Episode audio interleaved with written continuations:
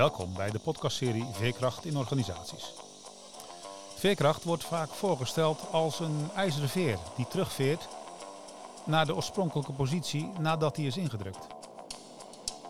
Ik zelf kies liever voor een andere verbeelding. Wat stelt een vogel in staat te vliegen? Hoe balanceert een vogel op de wind? Waarmee bedekt een vogel het nest waarin de kuikens opgroeien? Kwetsbaarheid en kracht vullen elkaar in dit beeld aan. Misschien kan veerkracht ook in organisaties bijdragen om tegenstellingen te verenigen en meer in balans te komen. Mijn naam is Maarten de Winter. In deze podcastserie deel ik verhalen die je daarbij, naar ik hoop, kunnen inspireren. Vandaag wil ik het met je hebben over de organisatiecultuur. Tijd en vrije wil. Nobelprijswinnaar en filosoof Henry Bergson maakt in zijn essay Tijd en Vrije Wil uit 1888 een onderscheid tussen twee tijdbegrippen. De objectieve, astronomische tijd, de klok, en de subjectieve, geleefde tijd. Een arbeidscontract regelt het eerste, de kwaliteit van arbeid gaat om het tweede. Efficiëntie is objectief, motivatie is subjectief. Gedragen door deze twee fundamenten is een ideaalbeeld van de efficiënte, gemotiveerde, duurzaam productieve projectprofessional opgericht. Toen de professional tijd verlummelde, fouten maakte, faalde, geëmotioneerd raakte of onbegrijpelijke dingen deed en wankelde, gaven we bonussen en maakten we systemen, regels, wetten, normen, procedures en afvloeingsregelingen. Daarmee werd het wankelende ideaalbeeld gestut. Nu blijken bonussen niet te motiveren, regeldruk organisaties inefficiënt te maken, foute organisaties lerend te maken en emoties mensen te verbinden en onbegrijpelijke handelingen plotseling innovaties te kunnen voortbrengen.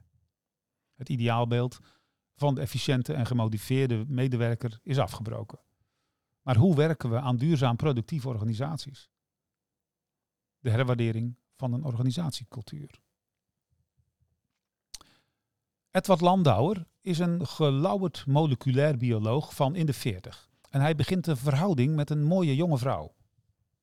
Zij betekent voor hem een overwinning op de tijd. Maar zijn ouderdom kan hij er niet mee afwenden.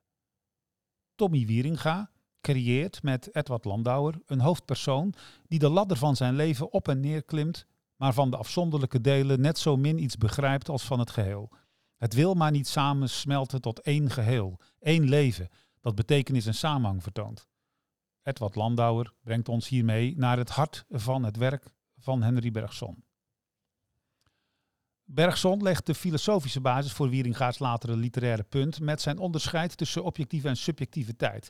De geleefde tijd heeft geen ruimtelijke voorstelling, omdat iedere ruimtelijke voorstelling een ruimtelijke afbakening en scheiding impliceert, die bij het doordringen van kwaliteiten en gemoedstoestanden van de beleving nu juist ontbreken. Ik herken dit in het ervaren van harmonie en het luisteren naar muziek. De kloktijd echter is gebaseerd op het ruimtelijk begrip en ontleent daaraan ook zijn sociale betekenis. Afspraken moeten op tijd worden nagekomen. Edward Landauer heeft zijn tijd opgeofferd aan zijn sociale positie en is zijn leven kwijtgeraakt. Hij vraagt zich aan het eind van een mooie jonge vrouw af waar hij zijn hart is verloren. We zien een groeiende groep medewerkers die zich ergens tijdens de loopbaan afvraagt waar deze zijn of haar hart is verloren. Het traditionele arbeidscontract wil doen geloven dat het subjectiviteitsbegrip zich ergens tussen of binnen de lineaire tijd bevindt. Dat de subjectiviteit wordt ingesloten door objectiviteit, zodat de beleving van harmonie het resultaat is van je positie. Het projectresultaat of je bezit. Dat je het kunt verwerven door de zeggenschap over je tijd uit handen te geven. Bergson en Wieringa en natuurlijk heel veel anderen laten zien dat dat een illusie is. In analogie daaraan zullen organisaties het perspectief op tijd ook moeten veranderen. Onafhankelijk van de objectiviteit speelt de subjectiviteit een rol in het organiseren. Door de zeggenschap van medewerkers over tijd te vergroten, krijgt de tijd meerwaarde. Daarom kiezen bijvoorbeeld veel mensen voor het onzekere bestaan van zelfstandigheid. Ook ik zelf heb dat gedaan. Daarin schuilt ook voor werkgevers een mogelijkheid om het potentieel en talent van arbeid beter te benutten. Dat is een productiviteit die niet louter is gebaseerd op efficiëntie, maar ook op zingeving en betekenisvol zijn voor anderen. Die toekomst ligt in belangrijke mate nog voor ons. Maar de tijd dringt en dat voelen veel organisaties ook aan. Al verschilt de noodzaak per sector. Teams en werkgevers kunnen het proces starten door medewerkers ruimte te geven zich te ontwikkelen. Als tijd en prioriteit belangrijk zijn, dat is bij het realiseren van doelstellingen altijd zo, dan kun je hen laten reflecteren op de individuele objectieve en de subjectieve tijd. Het is spannend en niet makkelijk, maar er zijn goede handvatten voor. Dat is de essentie van de verandering in onze tijd. Er is geen alternatief. Wie het nalaat, verliest medewerkers, relevantie en uiteindelijk zingeving en bestaan. Het is een mooi beeld, maar het wordt lastig als het op handelen aankomt.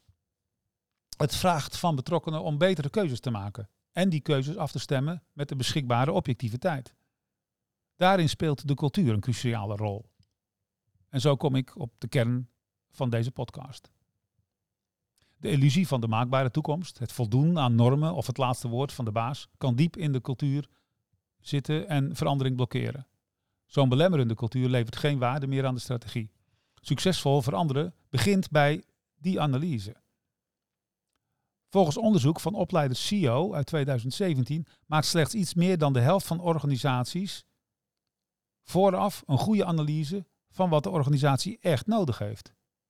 En dat blijkt nou juist succesvol in het realiseren van de strategie.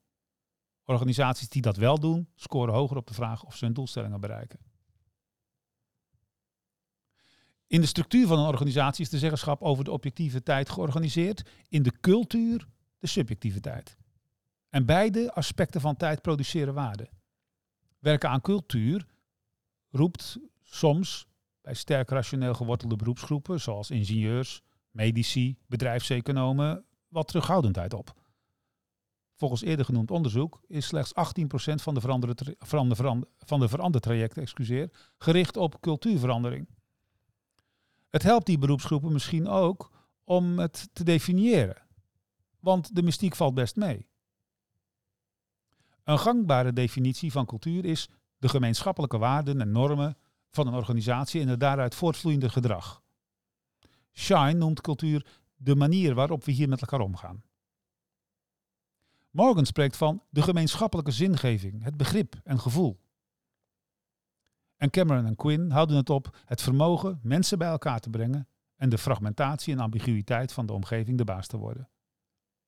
Met name deze laatste definitie maakt duidelijk dat we niet zonder goede organisatieculturen kunnen. Een goede cultuur is een noodzakelijke voorwaarde voor waardecreatie. Dat je gemaakte fouten niet wilt herhalen en dat je daar structuren voor inricht, is rationeel. Maar, en dat wordt vaak vergeten, tot het maken van nieuwe fouten zou je mensen die goed nadenken en hun hart, ziel en vrije wil in hun werk leggen, juist willen stimuleren. Want daar, in het zoeken naar de betekenis van hun werk, de betekenis van samenwerken en de betekenis van het bedrijf waar ze werken, ligt de toekomst.